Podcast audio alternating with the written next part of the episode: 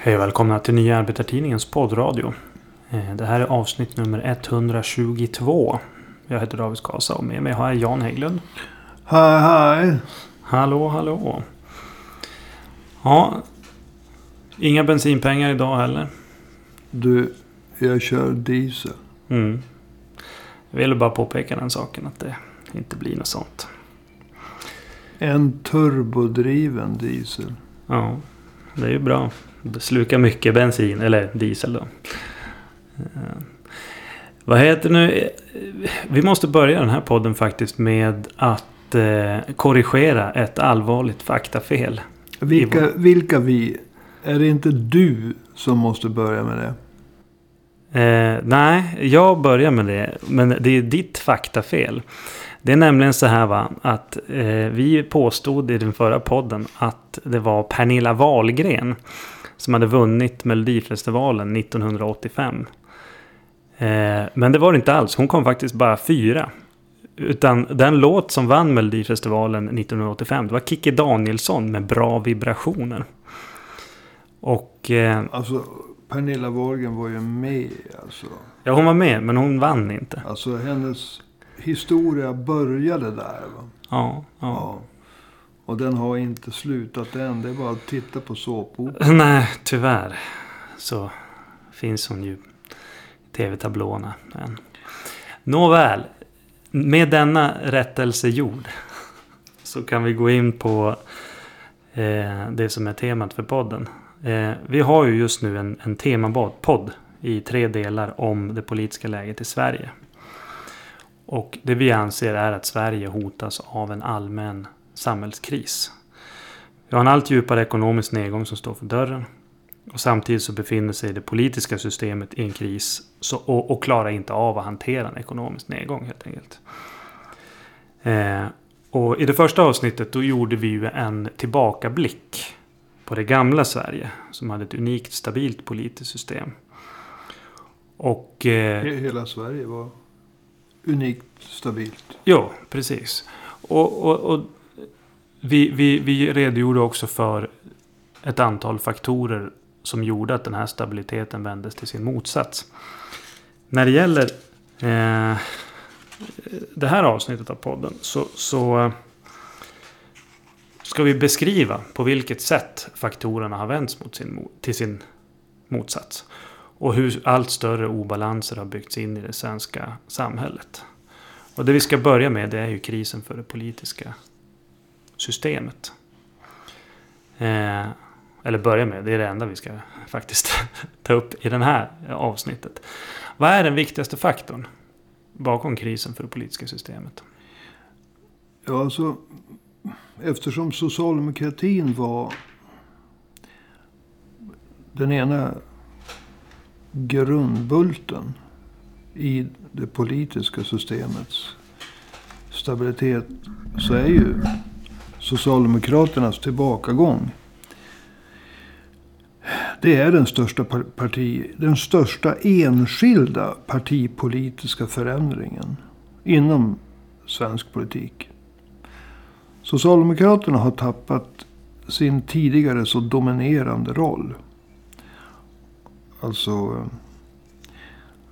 mellan år 1932 och år 2022 så har Socialdemokraterna bara befunnit sig i opposition under 17 år. Mm.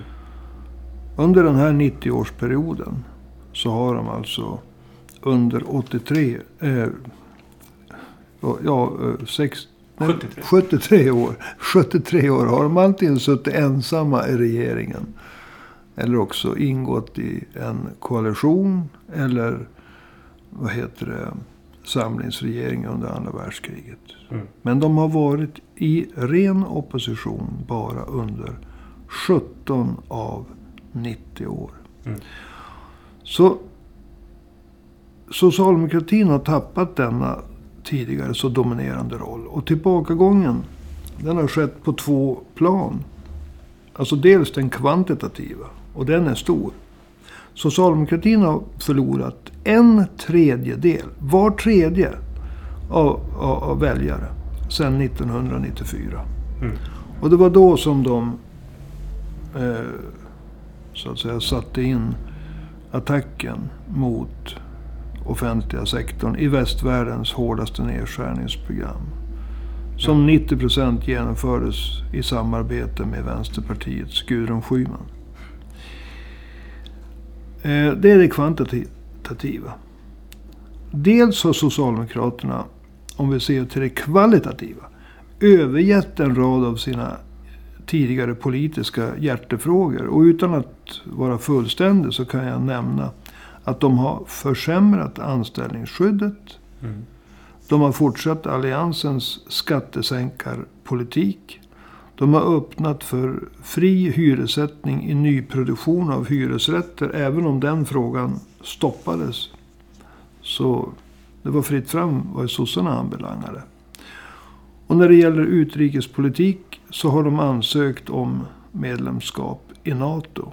Och hade det varit för Göran Persson, om han själv hade fått bestämma, så hade Sverige också varit med i eurosystemet. Mm. Nu vart ju det stoppat på grund av en folkomröstning. Precis. Men, men, men man har ansökt om medlemskap i NATO. Och eh, den här dubbla tillbakagången för S. Där man har krympt påtagligt. Eh, och eh, ta- tappat sina hjärtefrågor. Övergett sina hjärtefrågor aktivt. Mm. Det har ju inte bara underminerat socialdemokratins roll. Det har också underminerat stabiliteten för hela det politiska systemet. Men när S har liksom dragit sig tillbaka så har ju, ju andra partier som har vuxit. Väljarna har ju rört på sig. Vad är det för partier då som har vuxit i samband med att Socialdemokraterna har gått tillbaka?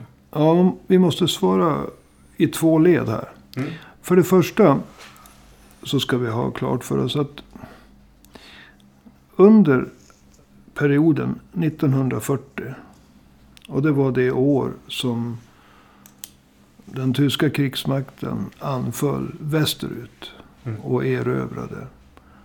Ja, först Norge och Danmark. Och sen Belgien, Holland, Luxemburg och Frankrike. Mm. 1940. Fram till 1985. Alltså det är en enorm epok. Nästan 50 år lång. Och med enorma omvälvningar i samhället. Mm. Under den perioden så fanns det bara fem riksdagspartier. Och det var samma riksdagspartier. Mm. Sossarna, det som hette VPK.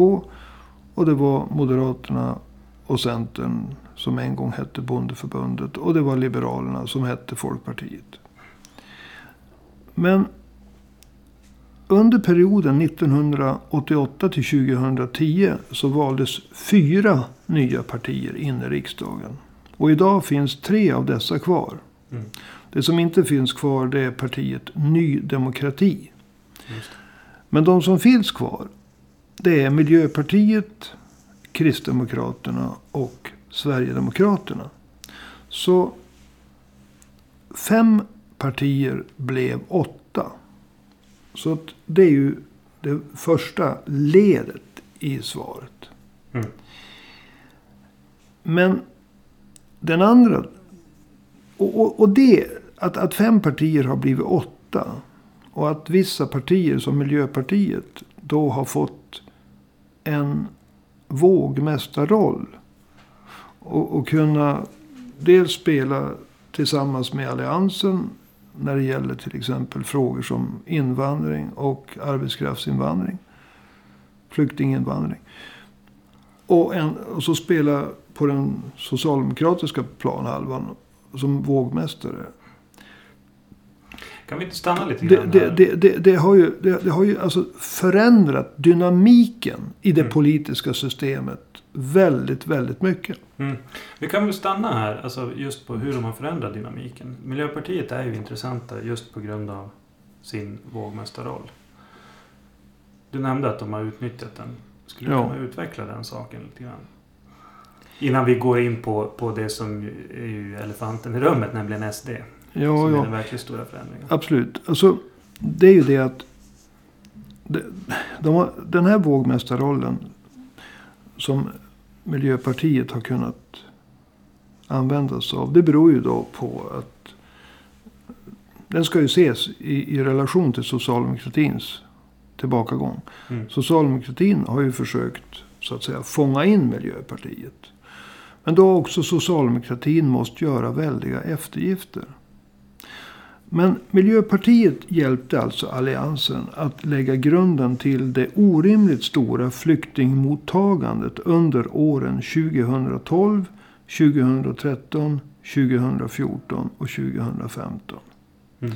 Och därmed har Mil- Miljöpartiet bidragit till framväxten av utanförskapsområden, ökad segregering och framväxten av parallella samhällsstrukturer. Och om vi ska ta det ett steg till. Till de händelser som skedde förra påsken. Mm. Som faktiskt i sina hetaste stunder kan betecknas som ett lågintensivt inbördeskrig i Sverige. Ja. Sen hjälpte Miljöpartiet även alliansen att avskaffa inget formellt fackligt veto. Men i praktiken så hade de fackliga organisationerna en väldigt stark röst när det gällde arbetskraftsinvandring. Just det, de kunde säga nej då om det var- fanns så många arbetslösa inom deras Ja. bransch. Och eh, det, det påverkar också arbetsgivarnas uppfattning och myndigheternas uppfattning. Mm. Men MP hjälpte alliansen att avskaffa det fackliga ja, nästan vetot. I praktiken vet. Ja, i praktiken vetot. Mot den utomeuropeiska arbetskraftsinvandringen. Så därför har Miljöpartiet bidragit väldigt mycket till att försva- försvaga löntagarnas ställning på arbetsplatserna. Alltså det är ett antifackligt, löntagarfientligt parti utifrån deras praktiska handlande.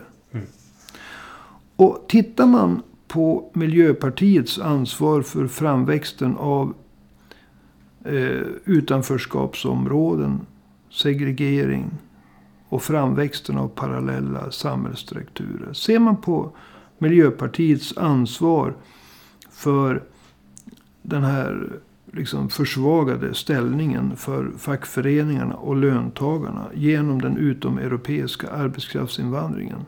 Så är det fullständigt absurt att Miljöpartiet har sluppit så billigt undan Ja, när det gäller kritiken. ja.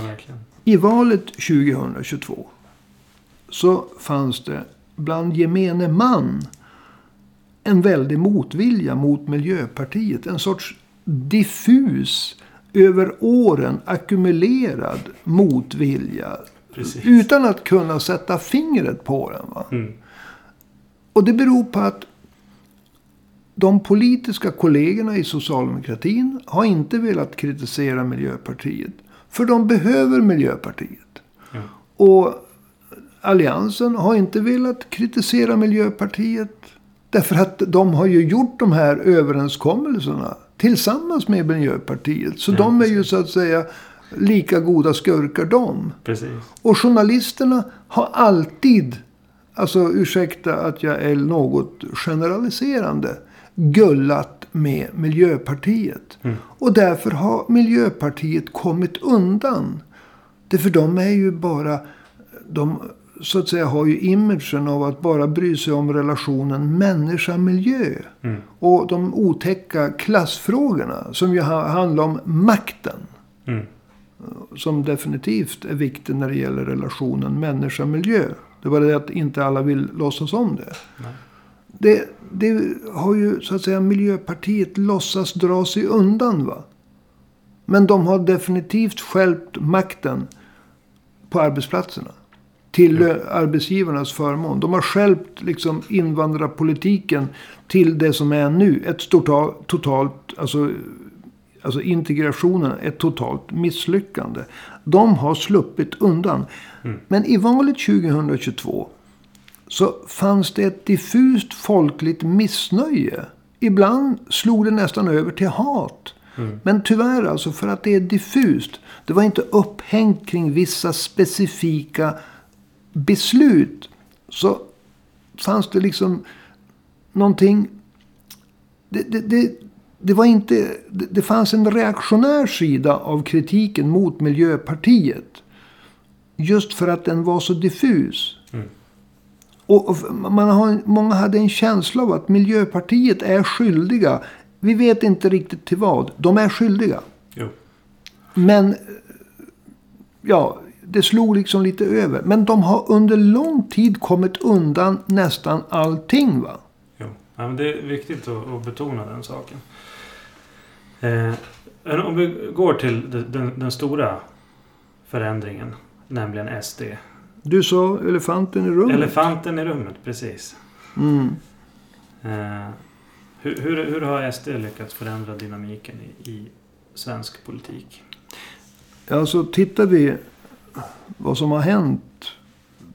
Vars har alltså de väljare som började lämna socialdemokratin i valet 1998 slutligen ham hamnat. Och det är ju ofta så att en del går hela vägen. En del de hinner leva klart och dör. Andra liksom går in i ett parti och knuffar en annan person vidare. Och så föds det nya. Men tittar man på nettot Mm. så är det så att de traditionella borgerliga partierna, Moderaterna, Kristdemokraterna, Liberalerna och Centern tillsammans är ungefär lika stora. Mm. Och tittar vi på övriga partier i form av Miljöpartiet och Vänsterpartiet så är de ungefär lika stora. Den avgörande förändringen det är att socialdemokratins väldiga tillbakagång, en tredjedel av tappade väljare, de motsvaras av en motsvarande, alltså de motsvaras av en enorm framgång för Sverigedemokraterna som Mm. har gått från att vara utanför riksdagen i valet 2006 till att idag vara det näst största partiet i Sverige. Både bland väljarna och när det gäller mandat i riksdagen. De är alltså större än Moderaterna. Ja. Och de utgör en del av Ulf Kristerssons regeringsunderlag. Men de ingår inte formellt i regeringen. Mm. De är med och utarbetar Tidöavtalet. Men de har lyxen att vara utanför regeringen och kunna kritisera regeringen. Samtidigt som de bestämmer regeringens politik. Mm. Och det här vill jag säga. Är det tredje beviset på den helt nya dynamik och instabilitet som finns i det politiska systemet i Sverige. Därför att efter valet 2014 så slöts det en eh, decemberöverenskommelse. Och den syftar till att hålla SD borta. Jo. Efter valet 2018 så slöts det ett januariavtal. Mm. Och det syftar till att hålla SD borta. Mm. Efter valet 2022 så skapades det en väldigt konstig regeringsform. Fyra partier i regeringsunderlag. Mm. Det största partiet, SD, stod utanför regeringen. Jo. Och det, det, måste vara unikt i Europa. ja, visst. Alltså, Och det är om inte i också... världen. Om inte i världen. Så, och det är också, precis som 2014, precis som 2018, så är det en, en eh, SD-anpassad lösning. Och det är dessutom en omöjlig lösning två, efter två mandatperioder. Alltså två mandatperioder i rad. Jo. Det går inte att ha en sån lösning. Det är en övergångslösning. Det är en lösning för att Ulf Kristersson ska kunna bilda regering. Men den är ohållbar. Mm. Eh, kanske under en mandatperiod. Men definitivt, det går inte att repetera den efter valet 2026. Nej. Men SD har ju... Har ju eh, men, synen på SD har ju lett till en splittring av det som förut hette Alliansen. Men, men eh, alltså förutom det här som du nämnde, den absurda konstellationen, så finns det ju Alltså, det finns ju splittringar inbyggda även i den. Motsättningar. Skulle du kunna beskriva några av dem? Ja, alltså det är ju bara att titta på vad som hände. Alltså Folkpar Folkpartiets, Folkpartiet Liberalernas vandring. Alltså det första som hände efter valet 2018. Det var ju att alltså borgerligheten splittrades. I januariavtalet gjorde ju Liberalerna, vad de ändå hette, och Centern upp med Socialdemokraterna och eh, Miljöpartiet. Mm. Medan då Moderaterna och KD började vandringen mot SD. Mm. Så att Liberalerna och Centern gick åt ett håll och Moderaterna och KD gick åt ett annat håll. Det var splittringen först. Sen så eh, verkade ju Liberalerna inte direkt ja, växa och trivas Nej. i sällskapet. Även om de tillsammans med Centern fick igenom mycket dålig ja, arbetsmarknadslagstiftning. LAS-reformen tror jag de var med på. Eh, och kunde så att säga skriva på sitt konto att försämra lagen om anställningsskydd. Eller avskaffa lagen om anställningsskydd. Åtminstone i sin nuvarande form. Men de trivdes ändå inte. Så att partiet började röra sig bort från eh, sällskapet av socialdemokrater, miljöpartister och centerpartister. Till det andra blocket bestående av moderater, kristdemokrater och sverigedemokrater. Och det här skapar ju då en kris inom liberalerna. Sen anslöt man sig ju och var med. Och efter valet 2022 så var man ju med och utarbetade Tidöavtalet. Mm. Och man var med och- bildade regering. Men motsättningen inom Liberalerna om deras förhållande till SD, den fortsätter ju. Även om de som vill sitta i regeringen mer än vad de inte gillar SD är eh, i majoritet. Och jag tycker personligen att de som fortfarande inom Liberalerna kritiserar SD mer har fått en roll tilldelad sig för att ja, hålla den delen av väljarkåren på gott humör. Vi är med men vi är liksom fortfarande kritiska mot SD. Men Ja. eh, låt mig också säga att det finns eh, ärligt folk inom Liberalerna. Som, alltså, som ärligt, är, ärligt är emot samarbete med SD. Men även de är inte så mycket emot att de inte är kvar i, i, i Liberalerna. Mm. Utan splittringen finns kvar inom Liberalerna i, i synen på SD. Men som sagt, det är definitivt så att eh, Liberalerna kommer inte att splittras nu i två partier. Utan det var kritiskt. De har övervunnit krisen. Mm. Men däremot så är det ju så att det finns fortfarande en spricka mellan Liberalerna som helhet eh, och SD som helhet. Alltså på det sättet så finns ju en spricka. Jo. Men sen är det väl eh, alltså en, en uppenbar konkurrenssituation också mellan Moderaterna och SD. Ja, och det är en sak som har vad heter det, uppmärksammats alldeles för lite. Och det har att göra med att den onaturliga konstellationen med ett regeringsunderlag på fyra partier. Där det största partiet inte sitter i regeringen. Men de två små partierna, KD och Liberalerna, sitter i regeringen. Ja. Och det, det, det har också att göra med att den här regeringsbildningen. Den sätts inte ihop med, regerings, med decemberöverenskommelsen 2014 och januariavtalet 2018. Specialsydda konstigheter som hade att göra med SD. Det, det, det ses inte tillsammans som det ska göra med den här konstiga regeringsbildningen 2022. Men det ska man göra. Och då måste man förstå att det här är en tillfällig övergångsform.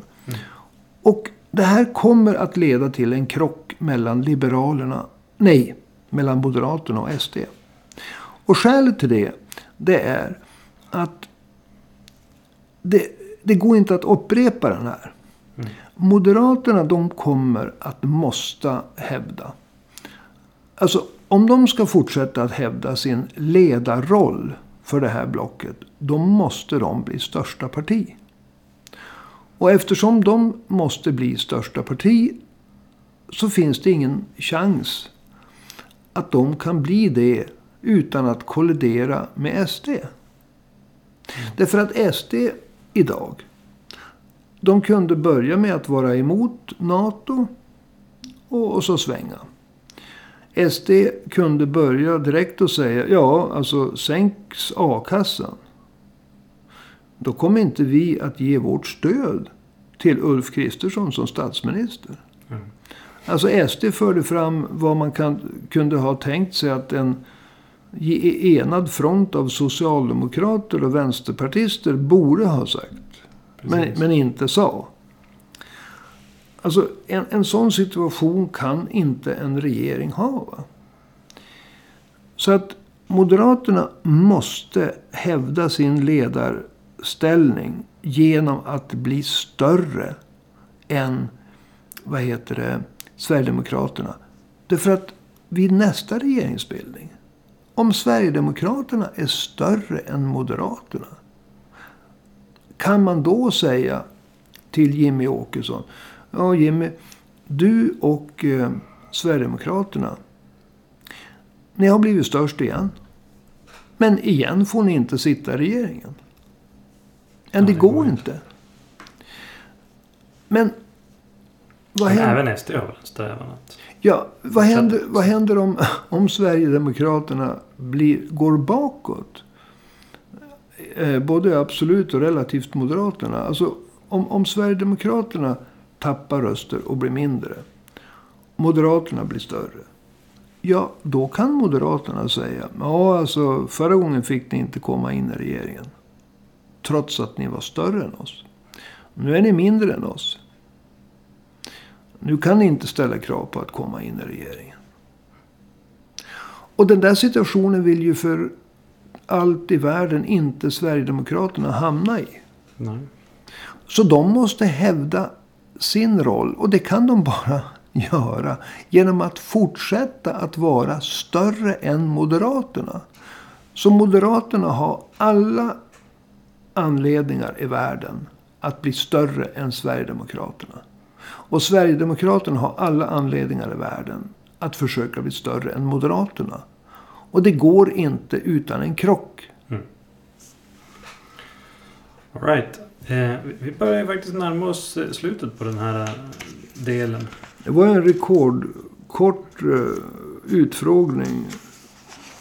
Ja, just, jag håller på en halvtimme nu så att det, så rekordkort var det inte.